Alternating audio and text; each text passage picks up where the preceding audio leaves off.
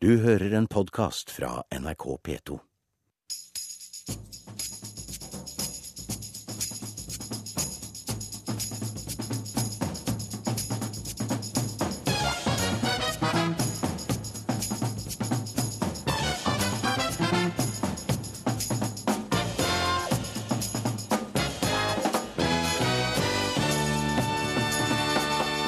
Små barn plages av minnet etter storbrannen i Lærdal.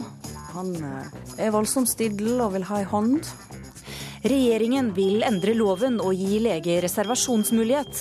Dagens ordning er et overgrep, mener Julie Brottkorp fra Høyre.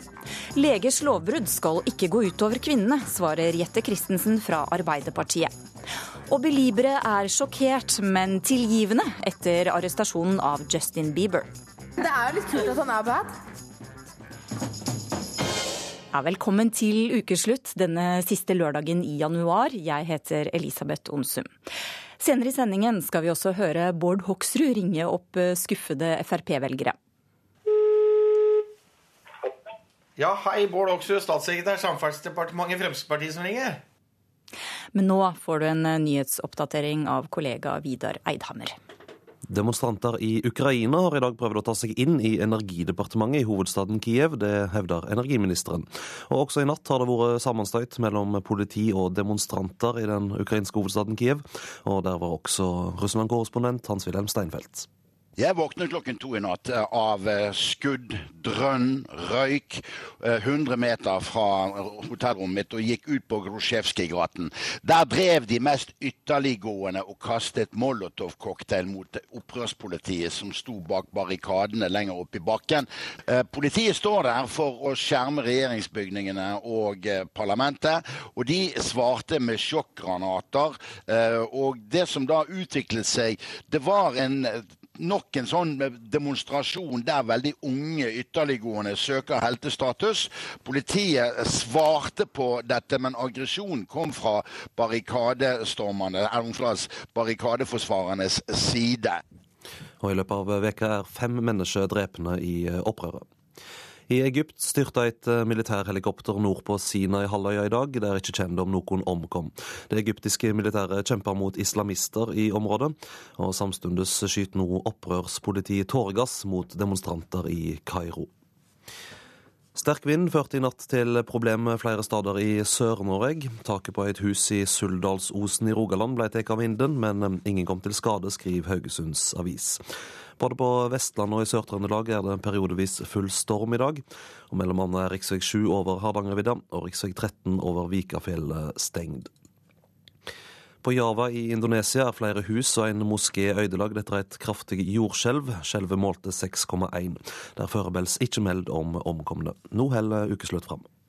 Vi får være takknemlige for at det ikke gikk med menneskeliv her, når man ser hvor dramatisk det må ha vært den natten. Og jeg er jo veldig glad i denne dalen, så Jeg ikke han. gjør det. Ja, kongeparet var blant dem som uttrykte sin sympati med Lærdal denne uka. Ingen liv gikk eh, tapt, men 35 hus og mange minner ble totalskadd i eh, storbrannen sist helg. Nå vil mange hjelpe lærdølene tilbake til hverdagen, men sporene etter ildregnet sitter fortsatt i hos store og små. Han, eh, gutten min på fire som var her og ble evakuert eh, i verste krigssona når det var på det verste her, da, han eh, er voldsomt stille og vil ha ei hånd hele tida. Etter gnistregnet og flammene sist helg vil ikke sønnen til Renate Fossen være aleine lenger. Så det var voldsomt mye lyder ute, og skriking og blålys og Og det brann oppe til fjellsida, det prata han veldig mye om, og at det regna brann. Og eh, ja. Ikke noe kjekt. Tettstedet Lærdalsøyri i Sogn og Fjordane er rammet av en storbrann.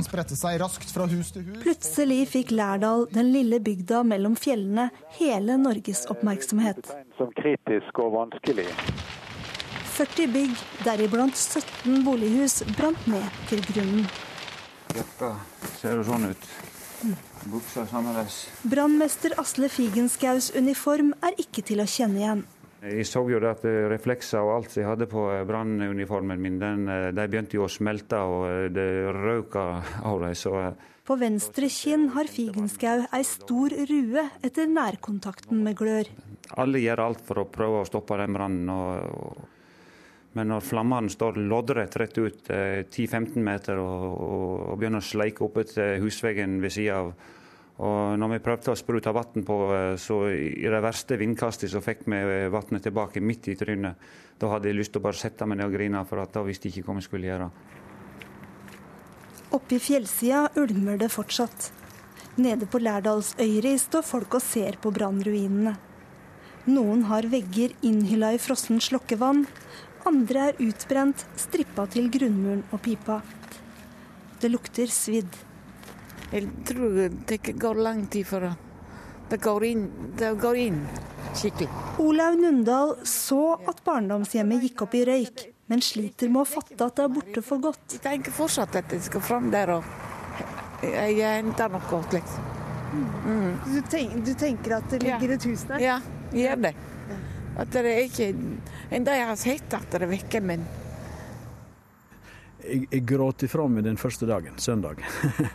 John Magne Hiller hadde nettopp pussa opp barndomshjemmet og planla pensjonisttilværelsen sin der. Han fikk se drømmen i flammer på TV. Det er litt annerledes å se det på fjernsyn. og det blir Da er litt sånn film og uvirkelig og på avstand. Når du kommer liksom helt innpå det og, og, og vet at eh, det er huset mitt, det var huset mitt, da det, det siger litt innover på en måte som eh, ja, en merker det helt inn i sjela hvis en har noen. Til jente 11 år, håper du liker den varme Duffelcoaten, Justin Bieber og Converse, og alt vil passe deg. Hilsen Margrethe. Dette brevet ble funnet i en pose med leker og klær. Til gutt sju år. Håper du liker Spiderman eller biler, og at noen av klærne passer til deg. Hilsen Andreas ni år. Brannen i Lærdal har skapt et stort engasjement over hele landet. Det gamle klasserommet er fylt fra gulv til tak med gaver til familiene som mista alt. Eh, altså Folk stiller opp. Vi har nesten ikke behøvd å ringe til noen. De kommer innom og tilbyr seg å, å være med. Spør om å få lov å være med. Eh, altså De tar av seg jakken og gir dem bort der de står og går. Leder av Frivillighetssentralen, Anne Kristin Evensen, har ikke plass til flere ting. Så eh, enn så lenge så, eh, så tror jeg vi må si stopp til de som vil gi. Men eh, det er kjempefine tanker. Dette her kom i luft i så store klumpene. Olaf Fossen viser ukeslutt noen svarte klumper på plenen utenfor Renates hus. Ja, det er kål etter, etter, etter infernoet som vi fikk over. Så store biter kom i lufta. Fossen gjemte seg i en murbod da alle ble evakuert for å redde datterens bolig. Det var jo småbranner rundt hele plenen her, men det ble oppdaga så fort at vi fikk slukt i. Det var nå derfor vi, vi trossa forbudet for å si politiet sin oppmåling. Og vi så at vi reiste med, så stod jo huset i full fyr. Veldig mange gjorde det som han gjorde. Tok fyr i busker og i gjerdinger og i tre og i veranda til folk. og så sånne, Å slukke sånne småbranner rundt om, det tror jeg redda hus. Renate Fossens hus fikk bare røykskader som kan vaskes bort. Sønnens minner om brannen kan bli vanskeligere å bli kvitt. Ja, i stad da satt jeg på kjøkkenet, og så hører jeg plutselig isbilen kjøre forbi, og da eh, slo det meg plutselig at eh, det var godt å høre at noe er så normalt, og at eh, ja, eh, det går videre, og eh, vi finner igjen hverdagen litt for litt. Ja, det var reporter Kari Li som hadde vært i Lærdal. Og som vi hører her, så er eh, livet i ferd med å normalisere seg etter brannen. Og et av tegnene på det er eh, at den årlige veterancupen med gamle fotballstjerner, bl.a. fra Manchester United, eh, nå er i full gang. Det var snakk om å avlyse cupen pga. brannen, men det ble altså ikke noe av. Reporter i Lærdal, Arve Uglum, hva skjer der du er nå? Når jeg kom inn i hallen her, så eh, Det første som slo meg, er at eh, det er bare meg hvor fort ting blir normale igjen. Altså. Her, eh, det, er vek, det er mindre enn en uke siden det tok fyr bare noen få hundre meter fra oss. Og nå har jeg fotballkledde menn i jeg skal ikke si alle aldre, for de fleste er vel over middagshøyden, men som eh, er rundt meg på alle kanter og eh, spiller fotball som om absolutt ingenting skulle skje. Turneringsleder Roar Fosand, hvorfor avlyste du egentlig ikke noe som skjedde i leiren? Nei, når fikk forsikringer om alle de skadelidende under Vi har Man fikk beskjed om at alle skadelidende under denne brannen hadde fått all strømmen tilbake og fått alt i tvang, så og vi frigjorde alle da som er knytt til hjelpearbeidet mot katastrofen. Og de forsikringene var på plass, så valgte vi å stå på og se framover, og derfor har vi turneringen. Er det noen forandringer nå fra sånn som turneringen vanligvis ville vært? Nei, det er klart det ble litt ekstra arbeid. da. At vi måtte frigjøre del folk i organisasjonen, men uh, det har stort sett gått sånn som det pleier. Så, uh, så langt har det ikke vært noen spesielle endringer, nei. Arve Uglum? Arve? Vi har, vi har dessverre litt for dårlig lyd på deg. Det er litt vanskelig å oppfatte, dessverre. Så jeg tror vi må enten prøve å gjøre noe med lyden, men vi går i hvert fall videre nå. Så får vi se om vi kan komme tilbake til dere. Du hører en podkast fra NRK P2. Denne uka sendte regjeringen et lovforslag på høring som åpner for at leger som ønsker det, skal ha mulighet til å reservere seg mot å henvise til abort. Å la være å henvise av samvittighetsgrunner er ifølge dagens regelverk ikke tillatt. Og Julie Bråttkorp, du er statssekretær og leder i Høyres kvinnenettverk. Du kaller dagens ordning et overgrep. Hvorfor det? Ja, altså, det, det, som jeg er opptatt av, er at vi må ta vare på kvinnene. Og sånn som helseministeren nå har utformet det forslaget som foreligger, så har man sørget for at rettighetene kvinner har, er langt bedre ivaretatt enn de har vært under de siste åtte årene. Det er fordi vi vet at det alltid har vært fastleger som av samvittighetsgrunner har, ikke har ønsket å henvise kvinner til abort. Nå sørger vi da for at vi har et system hvor kvinnene har rett til å vite hvem disse legene er. Og vi sørger for et system hvor man i kommuner hvor man har kun én lege og ingen valgmulighet, at man der ikke kan ende opp med at den eneste legen de har, er en lege som er mot abort. Men du kaller det et overgrep?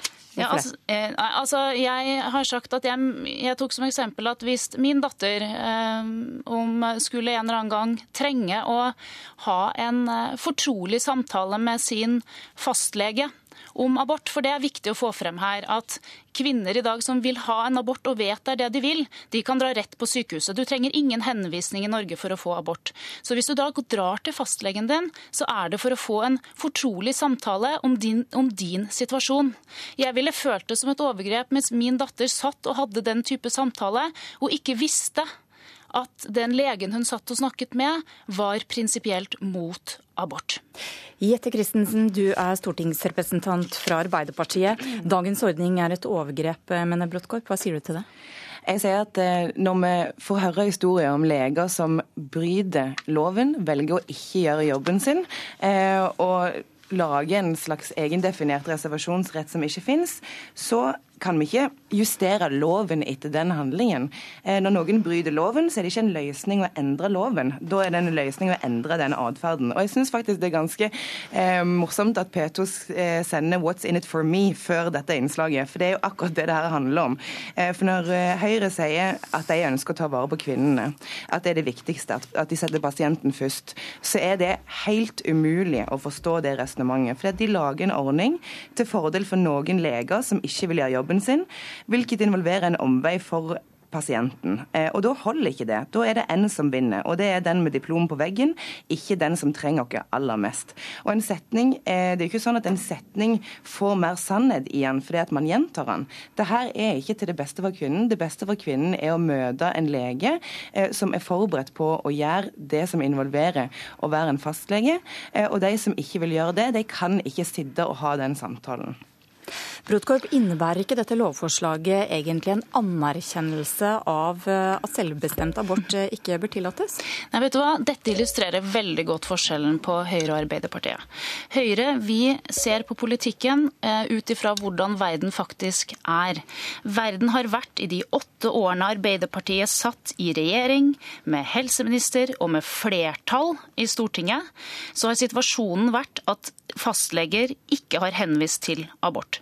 Det eneste Arbeiderpartiet gjorde, og det tok dem fem år, det var å sende ut et rundskriv om saken.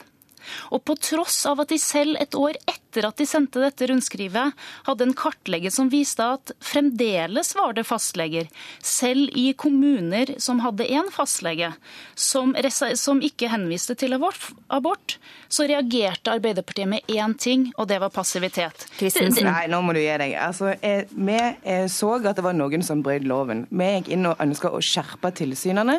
Det brevet presiserer gjeldende rett. Men mener ikke du at det er et godt prinsipp at man skal ha lik rett til helsetjenester i dette landet. Er, det samvittigheten, eh, er den samvittigheten du snakker om, er det bare et gode som skal være forbeholdt leger i store byer? Som forresten eh, Høyre-folk eh, i de store byene har gått ut og sagt at de ikke ønsker. Og når du sier eh, at Høyre forholder seg til virkeligheten, eh, og Arbeiderpartiet ikke gjør det, så er det et underlig argument i seg selv. Men eh, jeg mener at velgerne må jo få vite hvilken type Høyre vi skal forholde oss til. Er det det Høyre som du snakker eh, ordene for, eller er det det Høyre som sto på debatten 16.2.2012 og sa f.eks. å møte en person som åpenbart mener det man skal gjøre er tøft og et sterkt signal å gi unge kvinner at den fastlegen hun har kjent lenge, ikke vil hjelpe hjelpe henne. Det er en situasjon vi ikke vil sette kvinner i. Det sa du på Debatten. Hva er det som har endra seg siden da, utenom at du er blitt statssekretær for statsministeren? Har du skifta mening, eh, Bråttkorp? Uh, uh, nei, uh, fordi at det er ikke det samme systemet som jeg diskuterte på Debatten som, som helseministeren nå fremmer. Fordi i det forslaget helseministeren legger frem, så er det i alle momentene som ligger der, kvinnen som går først. Gjennom tre punkter. En, han har sagt at vi aktivt skal ut og informere om at kvinner kan gå rett på sykehus og få sin abort hvis de, er, hvis, hvis de, vet at de vil ha det. Så sikrer man at kvinner ikke, sånn som under Arbeiderpartiets styre, risikerer at legen de kommer til er mot abort. Så sitter man der og har en fortrolig samtale om hva man skal gjøre, uten å vite at legen faktisk er prinsipielt eh, mot abort. I tillegg så sier man at i kommuner hvor man bare har én fastlege, så kan ikke leger som har reservert seg mot abort, og som er mot abort, ha den jobben. Det er å se hva virkeligheten er, og det er å sette kvinnen først. Og det er en stor endring i forhold til sånn som systemet har fungert under Arbeiderpartiet i åtte år. Og jeg gjentar, i regjering med helseminister og ikke minst flertall i Stortinget. Men det har aldri vært, har aldri vært en reservasjonsrett for leger. De legene som har gjort det, de har brutt loven. Vi var eh, villige til å sette inn sterkere skyts for å få de fjerna, for å, å, få denne praksisen til å opphøre. Du ønsker å justere loven for å belønne de legene. For det er ikke til å komme unna at noen leger her, de som ønsker å reservere seg, de blir belønna, mens pasienten, kvinnene, de er nødt for å gå en ekstra omvei. Så uansett hvor mange ganger du gjentar eh, at det her er til pasientens beste, så blir det ikke mer sant av den grunn. Det her er en omvei for pasientene. Vi syns det er mye bedre i Arbeiderpartiet å skjerpe tilsynet og passe på at de legene som sitter eh, og er mot eh, abort og nekter å gjøre den jobben som involverer å være fastlege, de kan ikke være leger. Er det andre lover vi må justere ut ut ifra hva lovbryteren mener er rett eller galt. Eh, hvorfor skal dere godta at kvinner eh, møter noen som helst slags motstand i dette spørsmålet når de oppsøker fastlegen sin? Det er jo nettopp det vi skal hindre. Vi skal hindre at kvinner i en sårbar situasjon møter disse legene som er prinsipielt ja, mot men abort. Hva med, hva med de kvinnene som ikke har sjekket eh, om fastlegen er for eller imot abort, og likevel havner i en situasjon hvor de får behov for det eller ønsker det?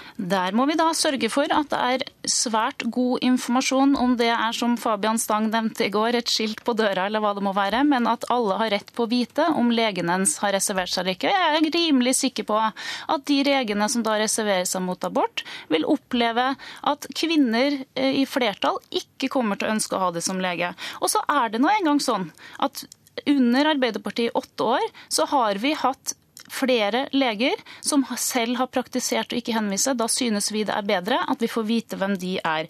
Under Arbeiderpartiet så hadde vi til og med leger som nektet å sette inn spiral. Og hvor var Arbeiderpartiet da? Nå får vi Christensen, har, har dere vært for dårlige med å føre tilsyn med disse legene? Så fremt det er noen leger som eh, på egen hånd reserverer seg, så er tilsynet for dårlig. Og Derfor så skjerpa vi det. Derfor så gikk vi ut og presiserte den lovgivningen som alltid har vært. Nemlig, nemlig at det ikke, Nå snakker jeg. Nemlig at det ikke er anledning til det. Og det er veldig lett å unngå å må ha en samtale med en lege som er, har reservert seg mot eh, å henvise til abort. Det er nemlig at den legen ikke skal sitte i den stolen. Eh, og det er det eh, vi ønsker eh, å bidra til. Og det er jo helt klart mye bedre å rydde opp i en praksis som bryter loven, istedenfor å legge ansvaret overfor damene. For hvordan skal du som 16-åring forklare til foreldrene dine at du vil skifte fastlege? Hvordan skal du forklare at du er nødt for å bruke lengre tid for å reise til en annen lege? Og hvordan, ikke minst, skal du eh, forsvare det argumentet til Høyre om at det her er til det beste for kvinnen, når kvinnen møter en fordømmelse i det sekundet den fastlegen hun har kjent hele sitt liv, sier vet du hva, det du skal gjøre nå, det er så moralsk forkastelig at jeg ikke kan hjelpe deg. Og det Vi var du enig med meg i i Må dessverre avslutte. Jette Christensen og Julie Bråttkorp, takk for at dere var med i Ukeslutt. Du hører en podkast fra NRK P2. Så til ukas store sak, i alle fall for hele verdens belibere. Popartisten og idolet Justin Bieber ble nemlig arrestert for kappkjøring i ruspåvirket tilstand i Miami.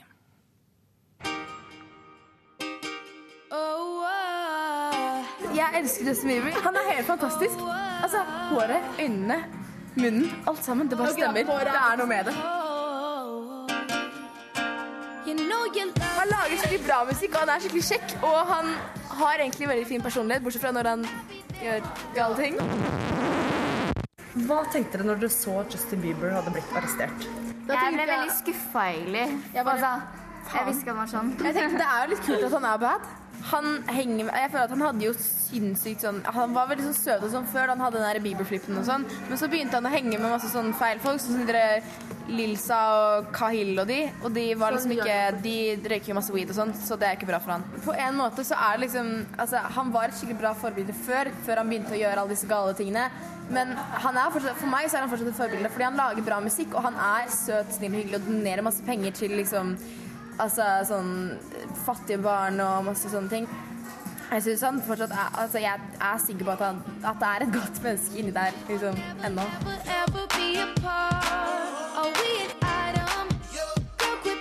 Hva tenkte du da når du så bildet av Justin Bieber bli tatt av politiet? Eh, vi, eller i hvert jeg ble ganske ja, jeg ble veldig lei meg. Og det er litt dumt at han driver med dop, fordi han, er på en måte veldig forbilde for veldig mange jenter. Og ja, det er litt Ikke bare jenter, det er også noen gutter som liker ham. Ja. Er det noen forbilde for dere, eller? Ja. Har du lyst til å bli kjæresten til Justin Bieber? Ja. Han driver med dop, da, tydeligvis. Ja, men nå bor han jo i USA. Han henger med feil folk, og de fleste ungdommer i USA gjør jo egentlig det. Så de gjør det for Dere tilgir han? Det er Han er en idiot, og han gjorde, han gjorde noe skikkelig dumt, men jeg kommer fortsatt aldri til å liksom live fandomen for det. Du er fortsatt en believer? Ja. Det var kollega Gry Veiby som hadde møtt et knippe believere. Og Bieber selv er løslatt mot eh, kausjon. Du hører på Ukeslutt i NRK P1 og P2.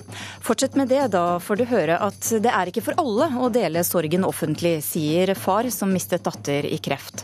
Fikk 90 000 følgere på Facebook. Og Frp har blitt en tam tiger og bør skamme seg etter 100 dager i regjering, raser velgere på sosiale medier. Ukeslutt er med når Bård Hoksrud ringer en av de mest skuffa velgerne. Men først. Ti år etter ranet av Nokas i Stavanger er fortsatt det kriminelle miljøet som David Toska var en del av, aktivt i Oslos underverden. Og Einar Aas, du er sjef for seksjon for organisert kriminalitet i Oslo politidistrikt. Et potent kriminelt miljø, sier du til Dagbladet i dag. Hvor farlig er dette miljøet? Jeg tror eh, For det første så har vi jo merket oss at de som ble dømt i Nokas-saken eh, etter hvert søker om prøveløslatelse, blir prøveløslatt og etter hvert eh, løslatt. Det har vi notert oss. Men det er nok både riktig og viktig å slå kretsen noe videre enn det. Altså Det kommer litt an på hvor man legger sirkelen. Men når vi snakker om nettverket totalt sett, så er det nok kollektivt sett et eh, nokså eh, etablert kriminelt miljø. Og individuelt sett så er det altså etablerte aktører i dette miljøet. Og på den måten eh, så er de også potente. Det viser seg jo at det har ikke vært noe opphold når det gjelder annen tung kriminalitet i Oslo-regionen. Hva slags aktiviteter er det de driver med?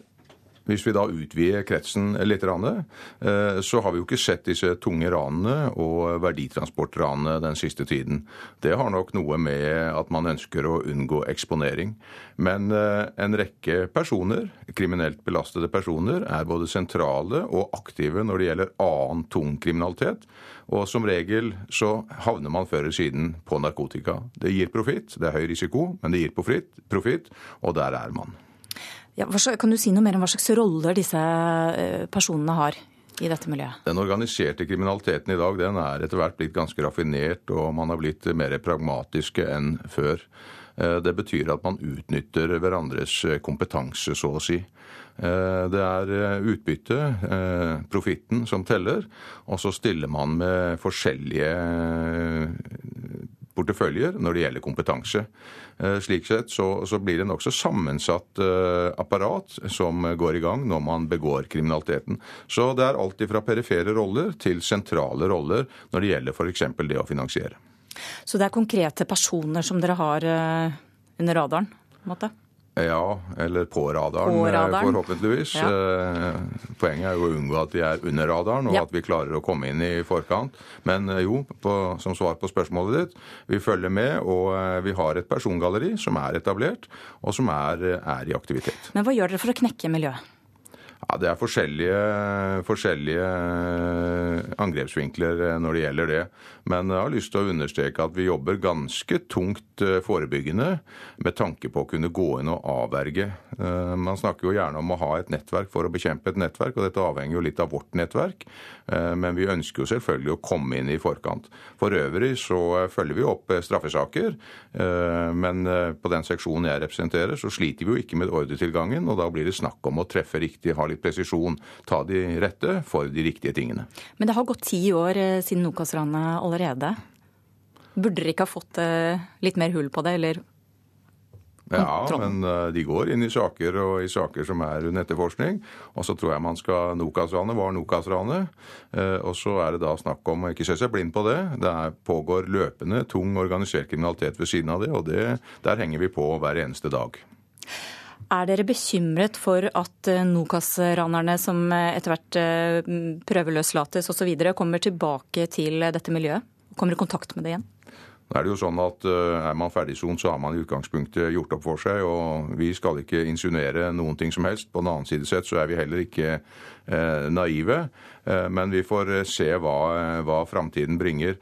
Jeg legger til grunn at man har lært en lekse når det gjelder eh, grov voldsbruk, og at det heller ikke er good for business i den forstand at man overeksponerer seg. Takk for at du kom til Ukeslutt, Einar Aas. Selv takk. Livet er urettferdig, mm. og det tror jeg vi er nødt til å forsone oss med. Og prøve å akseptere så best vi kan. Eh, ingen ønsker å bli syk. Ja, tirsdag denne uka døde journalist og forfatter Annbjørg Sætre Håtun av kreft, 41 år gammel. Håtun hadde kjempet i mange år mot eh, kreften, en kamp hun valgte å dele med offentligheten på ulike måter. Jeg har et stort bankende hjerte for alle som opplever sykdom i samfunnet. og jeg føler at jeg har en stemme som jeg gjerne vil eh, bruke eh, gjennom kronikk og gjennom det jeg skriver og formidler. Ja, mange har takket Håtun for at eh, hun har vært åpen. Og Linda Persen, du fikk vite for noen måneder siden at du har eh, uhelbredelig kreft. og Du har valgt å gjøre som Håtun og fortelle åpent om det. Og Du bruker også sykdommen din i foredrag som du holder. Hvorfor vil du fortelle andre om det? Eh, det første jeg gjorde når jeg ble syk, var jo som mange andre, tror jeg, det å google sykdommen. Og da ble jeg veldig deprimert. Og så følte jeg at jeg takla ikke det på den måten i det hele tatt. Jeg var veldig snar å bruke min galgenhumor. Og så tenkte jeg det må jo være kanskje andre som gjør det, og kanskje andre kan bli inspirert og ikke bare legge seg ned under dyna og gi opp. Så eh, jeg har jo levd som inspirasjonsforedragsholder før jeg ble syk, og det har de samme verdiene. Så for meg var det veldig naturlig å være åpen om sykdommen. Hva vil du si at det gir deg å, å fortelle åpent om kreftsykdommen din? Det, det, føler jo at eh, jeg, jeg, føler at livet mitt er enda mer verdifullt. fordi at selvfølgelig Jeg elsker barna mine og familien min, men det å kunne, kunne, bidra og bruke denne eh, grusomme sykdommen til noe og kunne inspirere, det, det gjør at jeg våkner opp om morgenen og, og, gleder meg til å starte dagen. Og alle de tilbakemeldingene jeg får det som av andre både kreftsyke, pårørende og folk som er friske, som har begynt å tenke litt mer over hvordan de bruker livet sitt. det er det, det føles at livet mitt er enda mer verdifullt og meningsfullt. Magne Lander, du er pappaen til lille Ylva, som døde av kreft i november i fjor. Og over 90 000 mennesker har fulgt dere på Facebook. Hvorfor eh, valgte du å dele sorgen din eh, på den måten? Man kan velge, da. Sette seg ned, være lei seg grave seg ned og bruke kanskje den siste tiden eh, på det.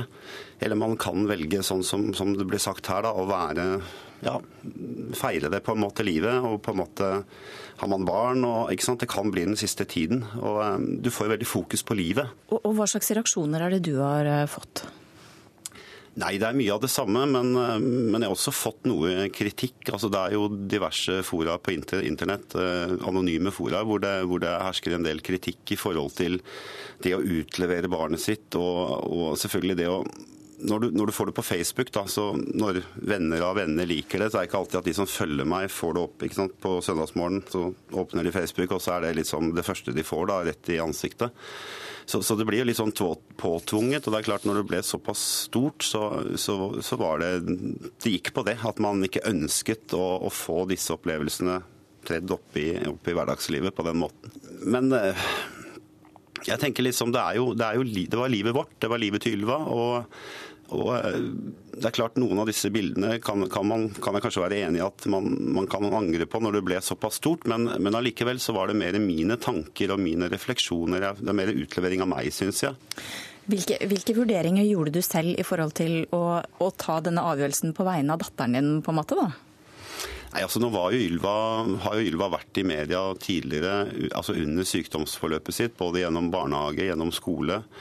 Eh, fordi jeg og Cecilia, altså min samboer, mammaen til Ylva, vi, vi, så det at veldig mange trodde at det å ha et kreftsykt barn kanskje er, var mye verre enn det det egentlig var. Eh, fordi vi hadde liksom et liv. Vi hadde, vi hadde en hverdag. Hun gikk på barnehage. Hun var sutrete, hun var sta, hun spiste. Hun gjorde alle disse normale tingene også. Men, eh, men menneskene tok avstand til det. Og jeg følte at at eh, man kunne, hadde en jobb å gjøre da, rive ned disse murene. At det er jo ikke, det er jo ikke farlig, det er jo ikke smittsomt. Og et liv er et liv selv om det bare varer syv år, eller ett år. Mm. Du sier at menneskene tok avstand. Hvordan konkret opplevde du det? Nei, man er jo, eh, altså I, i barnehagen f.eks. så kan det jo det kan jo faktisk være sånn at enkelte foreldre tror at man kan bli smittet av kreften. Eh, eller at de føler at barnet mitt skal ikke omgås med sykdom, for det er på en måte ikke den starten i livet vi ønsker barnet skal ha i barnehagen. Altså det, er, det er mange, mange, ting her som på en måte er viktig å ta tak i. Men eh, for vår del, så, og barnehagen til Ylva, var jo der passet barna på henne. De holdt henne i hånda når hun fikk epileptisk anfall på, på Huska, så sa de fra, fra til uh, barnehagetantene, og det var et godt samarbeid. Men, men allikevel så, så, må det være oppegående, og du må stå på. Altså, du må på en måte tale kreften og sykdommen sin sak og vise menneskene at det er faktisk et liv, og det er eh, på mange måter et meningsfylt liv også, ikke sant? i forhold til det å ikke på en måte ha noe holde, holdepunkt i det hele tatt. Annelise Ryel, du er generalsekretær i Kreftforeningen. Hvilken betydning mener du det har at uh, Annbjørg Håtun og, og, disse to som vi også nå nettopp har snakket med, står fram og forteller om uh, sykdommen sin? Eh, det har enorm betydning. Kreftforeningas grunnleggende verdi er jo åpenhet. Og jeg bruker å, å omtale kreft som den ualminnelige, alminnelige sykdommen. For den er jo så alminnelig. Det er 30 eh, 000 som får det hvert år. Vi er alle berørt. Får du den ikke sjøl, så er det søster di eller barnet ditt eller eh, mora di. Men det, den, den, er enda litt tabubelagt, og det finnes myter og det finnes holdninger. Så det å skape mer åpenhet er utrolig viktig. Og da blir eh, sånne historier som, som, som vi nå snakker om, eh, det at noen kan sette ansikt på det og, og, snakke om det, blir utrolig viktig. Og det er mange faser av det. Det er både dette med i det hele tatt å få den sykdommen, det å stå i det og ha tøffe cellegiftkurer og behandling, hvordan du blir seende ut, hvor barskt og tøft det er. Eh, det etterpå, når du har bivirkninger og senskader, hjerneskader, som jo Annbjørg også snakka mye om, fatigue, andre ting. Alle de ensomme kampene når folk tror alt, at nå er alt eh, greit igjen, helt over til å klare å forholde seg til en død som kommer. Mm. Uh, og især når det gjelder det siste, så uh, har vi jo problemer i dette samfunnet med å ta døden inn som en del av livet. Men vil du anbefale folk å fortelle åpent om det, altså gjennom f.eks. sosiale medier? da? Eh, hvis man syns sjøl at uh, dette er noe som er bra for en, og man tenker det også er bra for andre, eh, da er svaret mitt eh, ja. Det jeg prøver å si er at det er ikke riktig for alle. Eh, det er jo kommet en del diskusjoner nå om det må ikke bli et sånn eh, press at folk som er kreftsyke, føler at de også må stå frem. Da, det er den verdige måten å være kreftsyk på. Linda Persen, hva med deg? Vil du anbefale folk å, å stå fram? Jeg tenker jo, som Annelise sier her, at det, det, må være opp til hver enkelt. For meg så, så er det så givende å gjøre det, men, men, det skal heller ikke være sånn tenker jeg, at absolutt alle som får kreft, må, må ut i sosiale medier og må, må, flashe det opp og ned i mente. Men, men jeg er veldig opptatt av det, det med den psykiske helsa, og den, den har vært litt uh, nede synes jeg, i forhold til kreft. fordi kreft er tøft nok i seg sjøl, om ikke vi skal holde det skjult i tillegg. Mm. Magne Hellander, hva, hva, vil du si? Har, du, har det vært udelt positivt? Å fortelle så mange om, om deres situasjon? Nei, altså Jeg tror ikke det er for alle, ikke for, ikke for å skryte. Men, men, det er klart det går veldig det er, det, er, det er, tøft, det også. Og jeg kjenner jo mange både som har kreft og som har barn med kreft. og Det er klart at det blir som ellers i samfunnet. Noen må på en måte ta den oppgaven og, og på en måte fortelle om det. Og så vil det alltid være de som, som sitter litt bak og syns det er veldig bra at vi snakker om det, og på en måte at det hjelper de også. Dere hadde f.eks. folk som plutselig sto på døra mm. og ville ja. vite hvordan det gikk? Ja da, vi hadde det. Og vi hadde også, hvis jeg ikke la ut noe på en stund, så hadde vi også purringer på, eh, som kom da på mail eller faktisk på SMS og sånt også. Men Hvordan er det å takle denne oppmerksomheten midt oppi at du skal takle din egen sorg? Nei, altså Vi var jo en familie, og vi mistet jo et barn. og det er klart at eh, Jeg delte jo på en måte uten å konfrontere meg med min samboer egentlig hver ting eh, mens det pågikk. Og når det ble så stort, så, så hadde vi våre våre små fighter, og vi har også det i, i, ettertid. Det er jo to ulike mennesker, og det er et barn som dør. Så det, det, er, det er, veldig viktig å, å, tenke på det rundt seg og avtale liksom, hvordan gjør vi dette her. Men, men, ofte når man deler det sånn, så er jo det, en, det er jo på en måte en indre greie. Så, ikke sant? Altså, det er jo noe personlig med det, i hvert fall for min del. da. Jeg var jo en iherdig arbeidsmann, og jeg hadde lite kontakt med min datter før hun blei syk. Altså hun, hun, ble jo født, og så var hun der, og så skulle hun alltid være der. Så, så, jeg fikk en veldig brå kontakt med det å få et uh, sykt barn. Uh, og, uh, og, Samtidig så kjente jeg også det at jeg måtte gjøre noe. hvis jeg setter meg ned, så kommer jeg meg aldri opp. Eh, og eh, jeg fatta jo interesse da i, i Altså jeg, jeg, trodde liksom alltid at sykdom og kreft og sånn var helt forferdelig. Og når du fikk det, så blei du stengt inn på et svart rom. altså Da hadde du på en måte Ikke sant? Jeg var litt sånn. Og så, og så, så jeg det at det på en måte var et helt annet liv. At det på en måte ga en helt annen nærhet til livet. altså på en måte så fant jeg vel kanskje ut hva livet egentlig var. Jeg hadde vel egentlig ikke noe kontakt med det i, det hele tatt. Så, og det. Det er viktig å holde på disse tingene her, fordi, fordi, at man må på en måte, siden det blir så utbredt, som, som, det er nevnt her, så er det viktig å forberede samfunnet på at noen i nærheten din kan faktisk få det. Og jo mer vi snakker om det, mer klar fordi vi har jo også en en helbredende kraft i oss til å takle disse tingene. ikke sant? Altså Det å få en kreftsykdom eller få et barn som har kreft. Du, du blir jo slått ned, og du klarer liksom ikke å, å reise deg på, på månedsvis. Kanskje, kanskje du klarer å reise deg i hele tatt. Så jeg tror det er en viktig del av av tilpass, samfunnets tilpasning og helbredningsprosessen, og, og, det at vi på en måte skal orke etterpå, mm. så tror jeg det er viktig at vi, vi lar det bli en del av, av hverdagen. Samme med døden også. Takk for at dere kom til ukeslutt, Magne Hellander, Linda Persen og Annelise Ryel fra Kreftforeningen. Du hører en podkast fra NRK P2. Jeg kan garantere at det blir bompengefritt over hele landet. Ja, det sa Bård Hoksrud før han ble samferdselsminister. Nå har regjeringsdebutant Frp krysset 100-dagersstreken, og meningsmålinger og tilbakemeldinger på sosiale medier tyder på at velgerne ikke er helt fornøyd. Ukesluttsreporter Aksel Wilhelm Due utfordret Bård Hoksrud til å ringe opp en av de mest skuffa velgerne.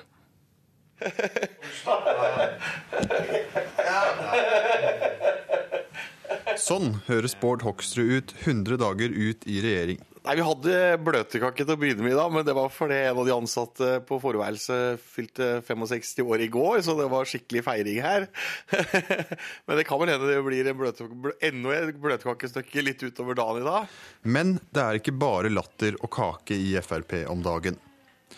For en historisk dårlig meningsmåling og sinte velgere på partiets Facebook-side har de siste dagene forpurret feiringen. 951, ja. 71. 71, ja. 891. 891. Hoksrud ringer en av de sinteste. Han heter Tormod Snippen og har skrevet på Facebook-sidene til Frp at partiet burde skamme seg over at de ikke har fjerna NRK-lisensen, årsavgiften på bil og bomringene. Ja, hei, Bård Oksrud, statssekretær, Samferdselsdepartementet, Fremskrittspartiet som ringer. Hei. Hva er det du ønsker å ta opp med Bård Hoksrud og Tormod? Uh, nei, det er jo for, liksom, Det er mye jeg kan ta opp, men uh, hovedsakelig så er det jo dette med veiavgift og uh, høy drivstoffpris. Om Tormod Snippen lar seg sjarmere av FrPs blideste regjeringsmedlem, kommer vi tilbake til, men først. Morna! Etter 40 år på sidelinja kom Frp for første gang til makten etter valget i høst. Men det ble uten han her. Ikke noe voldsom aktivitet på min Facebook-side.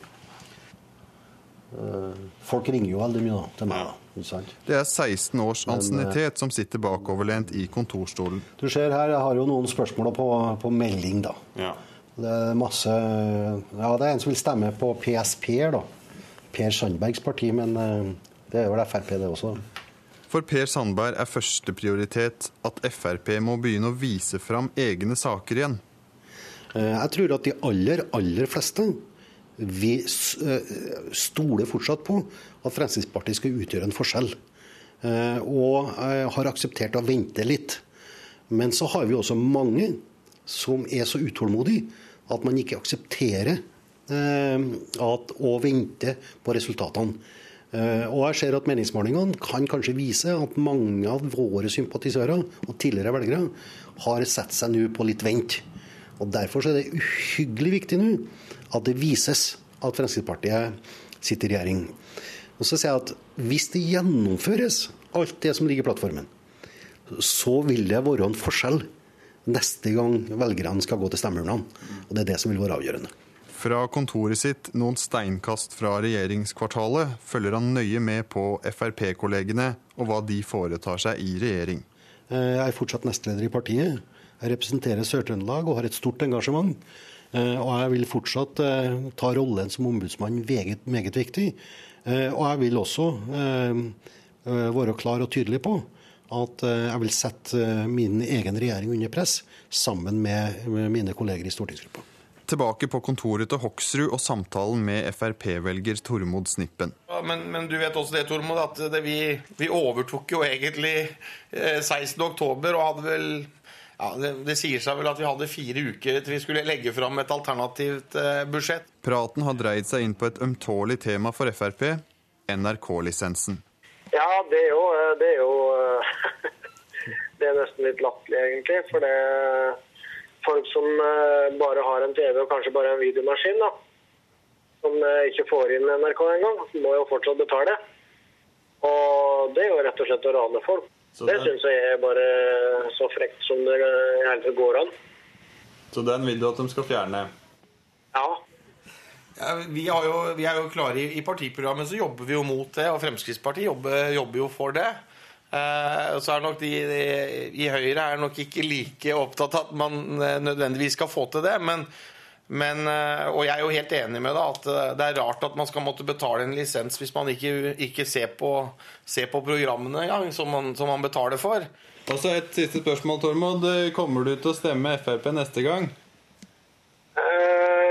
Eh, kommer an på framover. De har uh, stikket en liten kjepp i hjula sine med å øke på avgiftsfri diesel. Så der, og det, det er jo ikke noe positivt, da. Men hvor lang tid, hvor lang tid får de av det?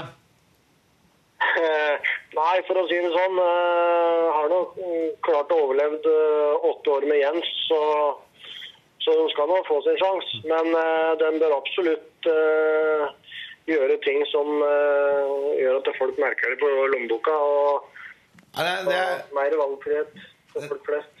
Det er veldig bra. Jeg skal i hvert fall love at vi jobber hver dag både for at eh, vi skal redusere skatter og avgifter, og vi skal sørge for at det blir en enklere hverdag for, for folk flest. Så vi tar med det. Og så håper jeg at du også vil se framover at med mange av de grepene som kommer framover, så, så vil også det være resultatet at det blir en enklere hverdag for, for vanlige folk.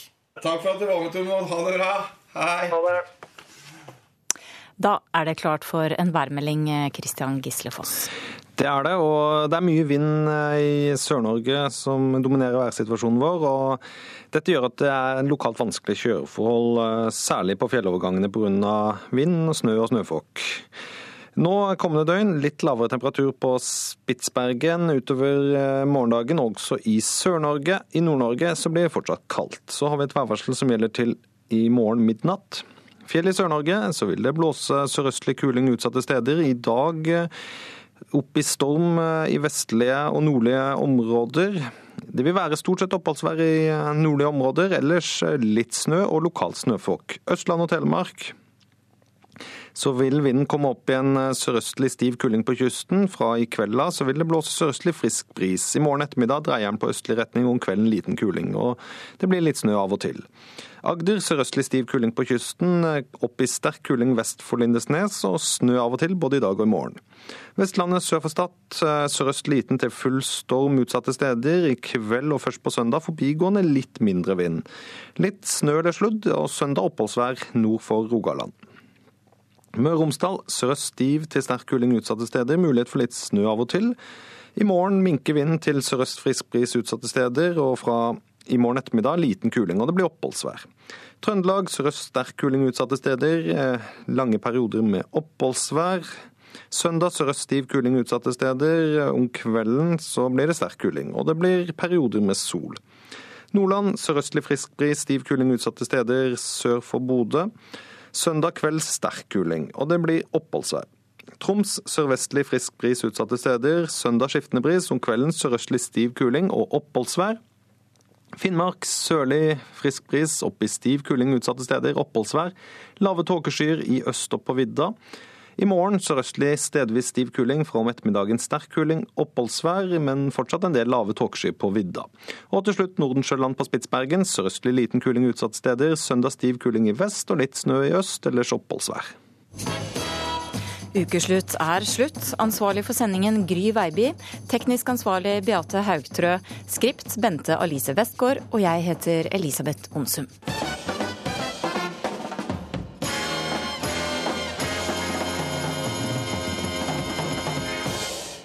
Du har hørt en podkast fra NRK P2.